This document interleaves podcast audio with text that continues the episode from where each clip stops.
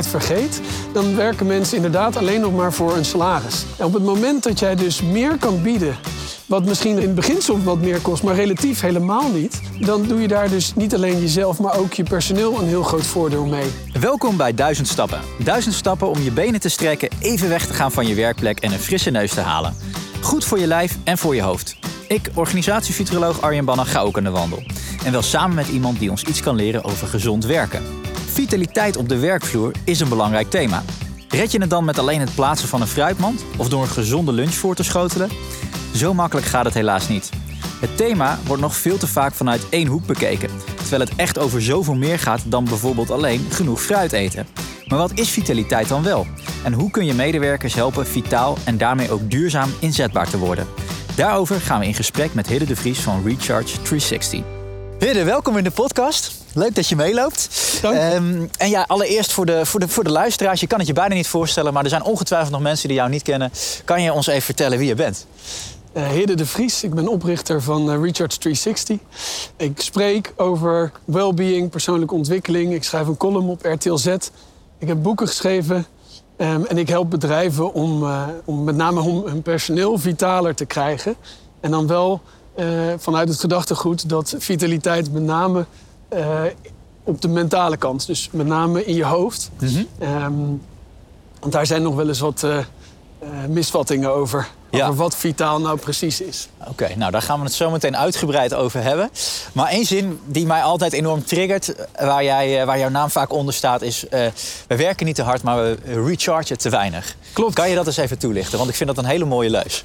Ja, nee, we, hebben, we krijgen met z'n allen eigenlijk steeds drukker en we gaan daar steeds slechter mee om.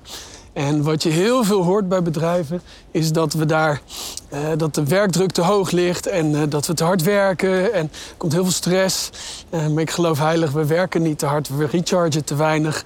We nemen te weinig momenten om even stil te staan, te kijken hoe gaat het nou met mij? Hoe gaat het nou met de projecten die ik doe? Doe ik wel de juiste projecten?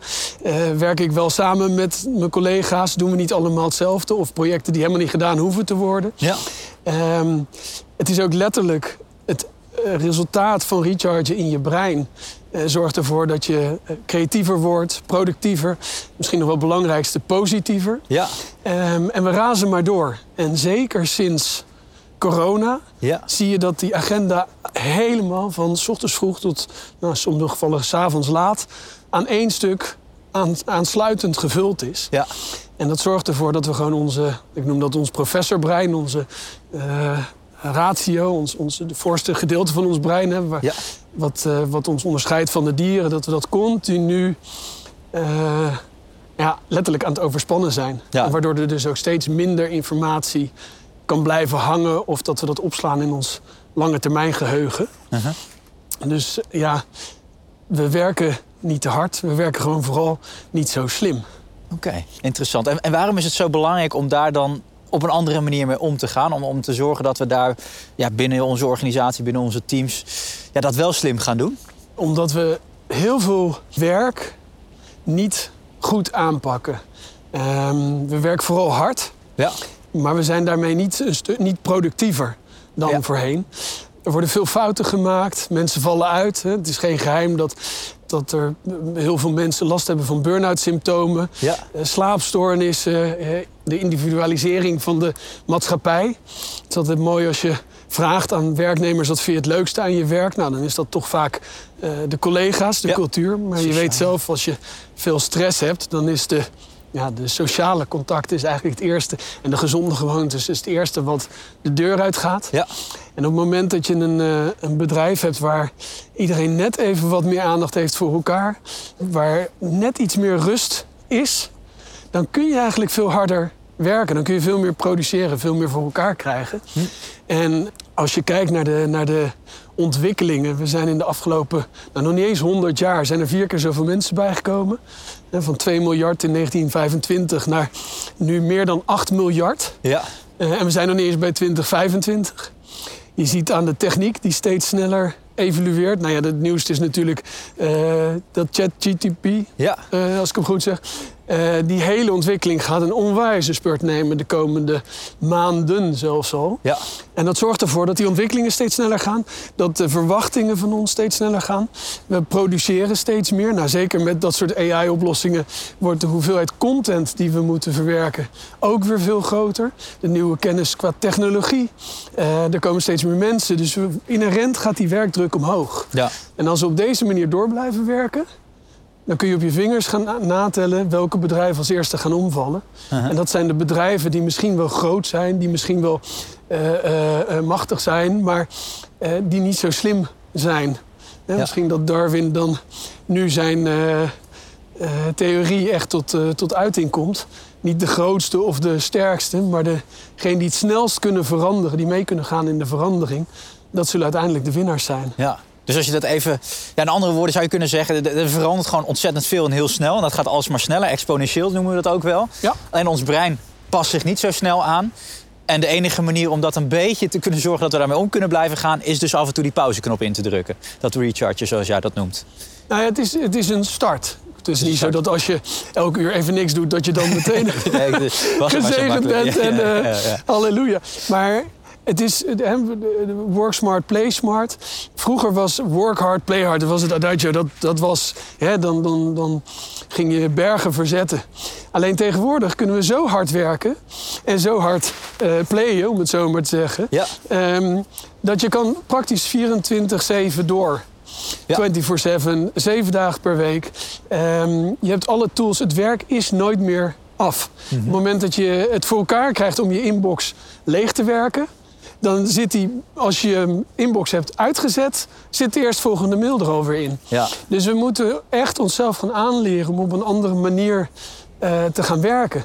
Om af en toe ook de uitknop zelfstandig uit te zetten. En dat is denk ik die manier van werken. Je zei het al, hè, ons brein heeft ons, heeft zich, past zich nagenoeg niet aan. Ja. Dus we zullen het onszelf moeten leren. En het enge is, dat is als je nu kijkt naar de, naar de jeugd. Hè, mensen maken zich zorgen om de millennials. Maar als je kijkt naar Gen Z, de, de echt jongeren, de, de middelbare scholieren die straks aan onze eh, bedrijfspoorten staan om eh, te komen werken. Die branden allemaal op voordat ze überhaupt aan de eh, universiteit of HBO eh, beginnen. Ja. Maar ze krijgen nergens les hoe zij moeten omgaan met eh, mobiel, met al die indrukken die ze krijgen, met rust nemen. Dus die worden nu al eigenlijk verpest voor de rest van hun, van hun carrière. Ja. Want even, eenmaal, hè, dat is heel, heel ehm, ja, eigenlijk schrijnend. Ik schreef dat laatst in een column. Je hebt nu al zoiets als kinderburn-out. Niet Ja. kinderbueno, maar kinderburn-out.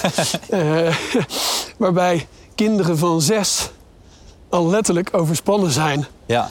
Ja, dat, dat is echt wel heel zorgwekkend. En je ziet, als je die cijfers bekijkt ook... eh, dan hebben we echt wel iets om ons zorgen over te gaan maken. Ja, absoluut. En jij noemt dat dan eh, de, de vitaliteit, dat is een beetje de grote paraplu waaronder jij het, het ophangt. Maar dat is natuurlijk iets wat bre- heel breed is, abstract en vaak ook nog wel een, soms een beetje een soort zweverig karakter heeft. Kan je dat misschien ook even reframen in hoe jullie dat zien en wat jullie daarmee doen? Ja, nee, eerst dat vitaliteit, dat is een beetje in een verdomhoekje gekomen. Ja. Yoga, meditatie, mindfulness, Precies, ja. vitaliteit.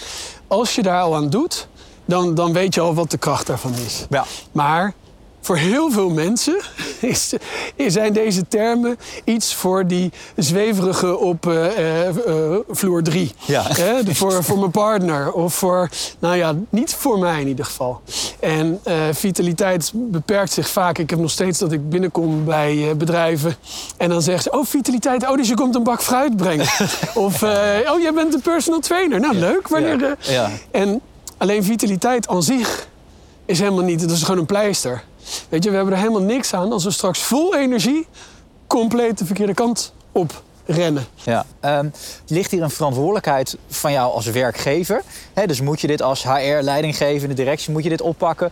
Of zou je kunnen zeggen, ja, maar dit is toch ook gewoon, je bent mens, eigen verantwoordelijkheid.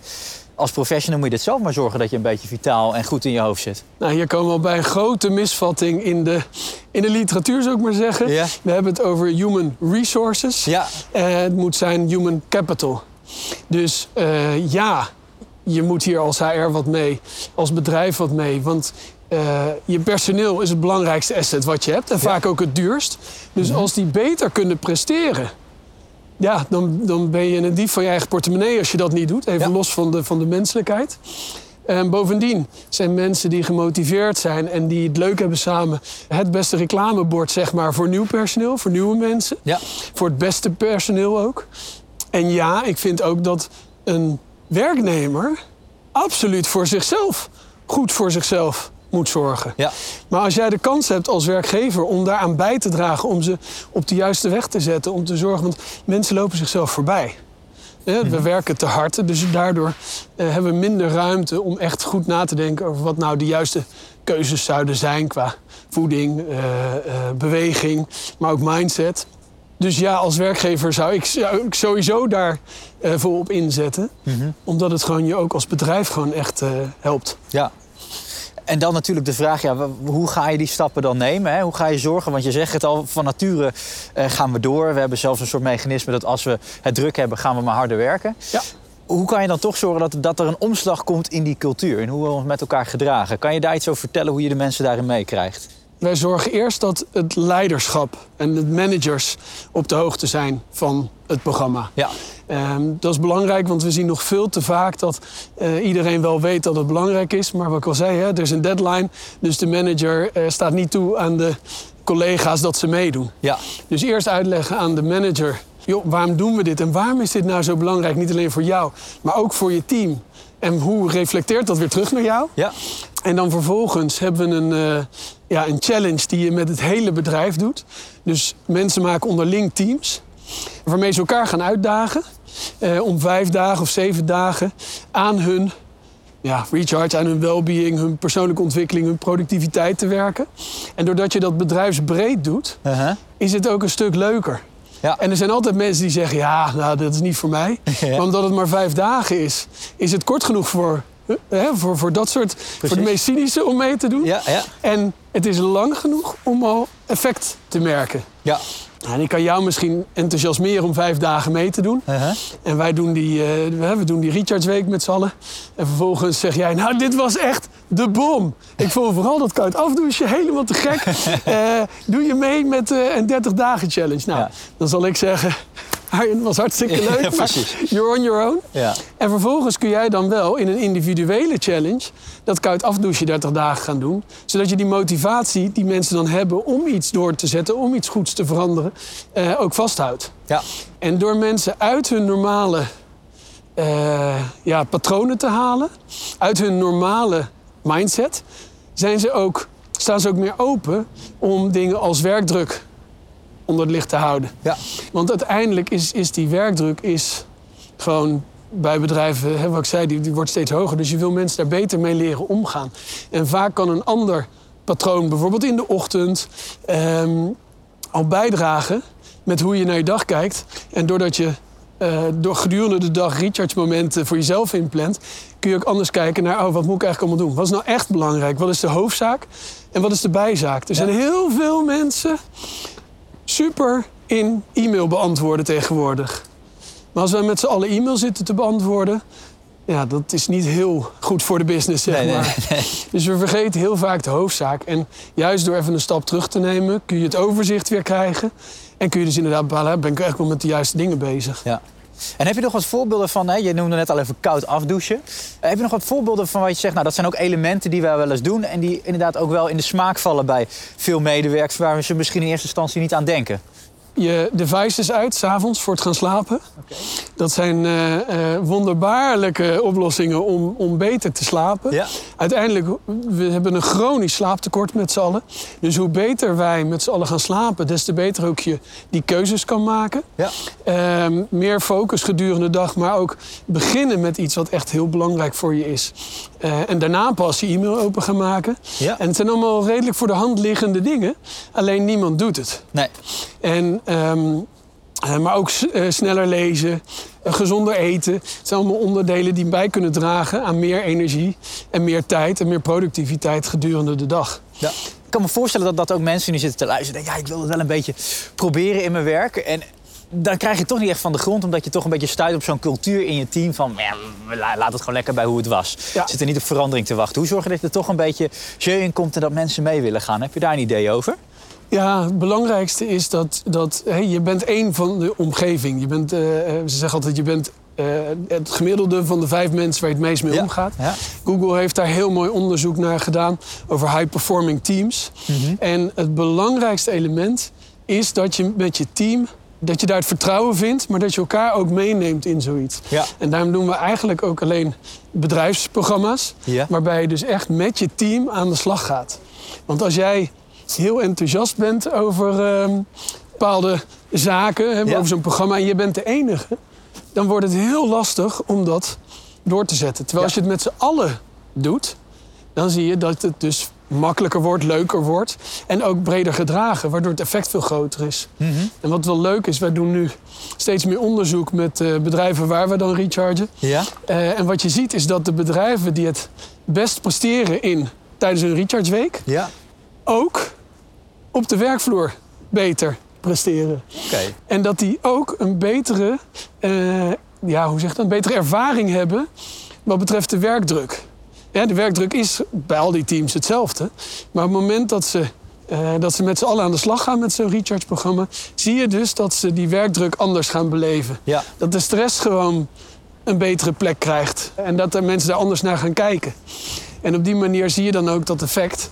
dat als je het samen doet, Ja. dat het veel krachtiger is. Oké, dus het is heel cruciaal. Als je voelt, ik moet hier iets mee, ga dan niet in je eentje dat hele traject door of op zoek, maar probeer vooral collega's daarbij te betrekken. Ja, Ja. ja. Eh, en, en, en dan, hè, je zegt net al, je ziet hele goede resultaten. Hoe kan je dat dan ook een beetje inzichtelijk maken? Dat je ook echt daadwerkelijk ziet van hé, het heeft effect? Nou ja, ik heb zelf eh, vijf jaar bij Google gewerkt. En daar was eh, meten is weten, data is king. Nou ja, de, Ja, ja. alle clichés eh, die daar vandaan komen. En wij meten dus ook heel veel om te kijken van... wat, wat zijn activiteiten die goed aanslaan? Eh, hoe wordt er gereageerd? Er zit een heel coachingselement in het, eh, het programma. Hè? Dus dat er contact opgenomen kan worden met de coaches. Welke vragen worden daar gesteld? Hoe snel worden die opgelost? Kunnen mensen daarmee verder? Dus er zitten surveys in. Dus we kunnen heel duidelijk zien of bijvoorbeeld die werkdrukervaring omhoog of omlaag gaat Ja. na een week. En welke elementen daarbij aan bijdragen. Uh-huh. Ehm, dus juist die data maakt het zo interessant. Ja. We gaan een beetje naar het einde rijden. En eh, waar ik nog wel benieuwd naar ben, is van, van ja, dit, jullie maken het eigenlijk al heel klein. Maar hoe zou je nou eigenlijk morgen hier al mee kunnen beginnen? Met een recharge, als je toch even zegt, ik ga het in ieder geval voor mezelf doen. Of je nou leidinggevende bent, professional. Dat je toch zegt, ik wil eventjes dat eens ervaren hoe dat voor mij is. Wat zijn dan de eerste stappen daartoe? Mijn eerste advies zou zijn, en dat is iets wat, wat, wat relatief weinig gebeurt... is gewoon eens met je team gaan zitten van jongens, hoe staan we in de wedstrijd? Gewoon een nulmeting. Ja. Want ehm, als dat ontbreekt, dan kun je van alles gaan doen. Uh-huh. Eh, misschien heeft jouw team wel juist eh, onderling behoefte aan iets anders. Misschien is het, eh, dat is natuurlijk per team een beetje verschillend. Ja. Bij het ene team is het werkdruk. Er zijn ook teams die lijden aan board-out. Ja, die hebben gewoon te weinig eigenlijk te doen. Of te veel repeterende zaken. En ehm, als mensen wil je, je wil gezien worden. Je wil weten dat je werk ertoe doet. Ja. En je wil dat op een bepaalde manier meetbaar inzichtelijk hebben. Uh-huh. Nou, dat zijn drie eh, zaken die heel vaak tekortschieten in teams. Ja. Omdat er gewoon te weinig gecommuniceerd wordt. Zeiden vroeger altijd niet lullen, maar poetsen. Uh-huh. Het wordt langzamerhand tijd dat we eh, niet poetsen, maar lullen gaan invoeren. Want er wordt gewoon heel weinig echt gesproken. En dan hebben we het over de great conversations en de, de, de, het goede gesprek, zeg maar. Ja. Alleen het wordt steeds moeilijker om dat goede gesprek goed te doen. Ehm, Ja, ik vind het heel leuk dat ik vraag, wat kan je nou in je eentje doen? Je gaat gelijk weer terug, doe het met je team. Dus dat is wel echt een belangrijke boodschap die ik hier voel. Ga het nou niet in je eentje oplossen, maar dat team is daar zo belangrijk in. Want als je het in je eentje doet en de rest gaat niet mee, dan, eh, dan sterft het misschien wel sneller dood. Pak het samen op. Als werkgever tot slot leidinggevende, zou je dat nog kunnen aanjagen? Heb je daar nog iets voor hoe zij die rol ook op kunnen pakken? Nou ja, sterk nog heel belangrijk. Ehm, want het blijft vaak een HR-ding. Ja. Ah, leuk, we moeten iets met vitaliteit. eh, De, doe een tik in de box. Ehm, juist de betrokkenheid vanuit eh, de directie is essentieel. We hebben dan een aantal recharge weken per jaar. En de tweede recharge week kwamen er foto's door van leidinggevenden... die allemaal in de sportoutfit aan het planken waren. Oh, goed, Eh, ja. En de, de, de strijd tegen elkaar aangingen. En daarmee gaat het echt leven. En Ja. dat is vaak zo dat hè, mensen doen niet wat je zegt, maar ze doen wat je doet. Ja. Op het moment dat als jij als leidinggevende daar eh, het voorbeeld geeft, het voortouw neemt, dan, dan heeft dat een onwijze impact op de organisatie.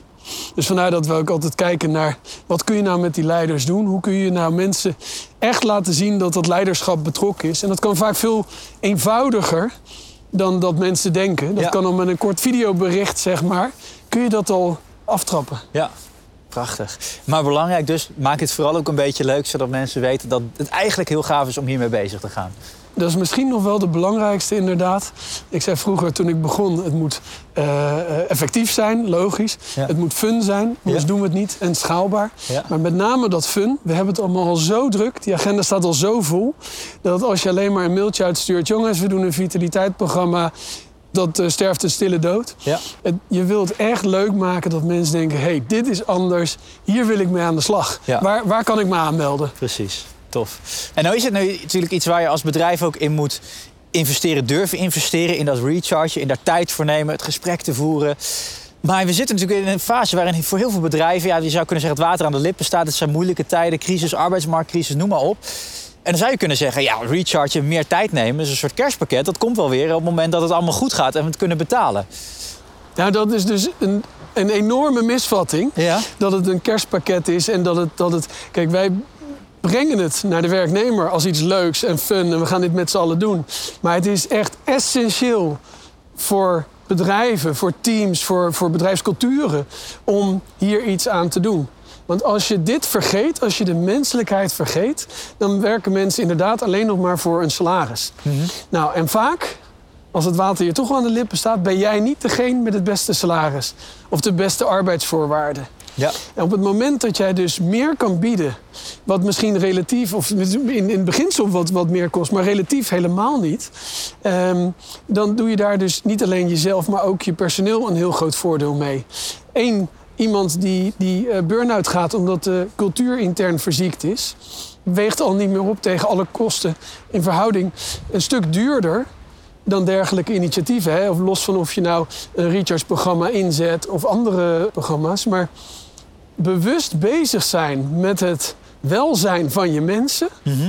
kan alleen maar voordeel opleveren. Ja, mooi. Nou, ik hoop dat we mensen een beetje hebben kunnen enthousiasmeren om hiermee aan de slag te gaan. Eh, ik ben heel benieuwd. Mag ik jou in ieder geval hartelijk danken voor je inspiratie, heren. Jij ook. Heerlijke wandeling. Ja, zeker. Dat waren de duizend stappen met Hidde de Vries. En hopelijk heb je nu een iets beter beeld gekregen van wat recharge nou eigenlijk inhoudt en wat het voor je kan betekenen. En vooral als je wil beginnen, doe het nou niet alleen, maar gebruik je team, doe het samen, ga daarover in gesprek met elkaar. Heb je met ons meegelopen, complimenten en wil je meer inspiratie? Ga dan naar zk.nl/zakelijk.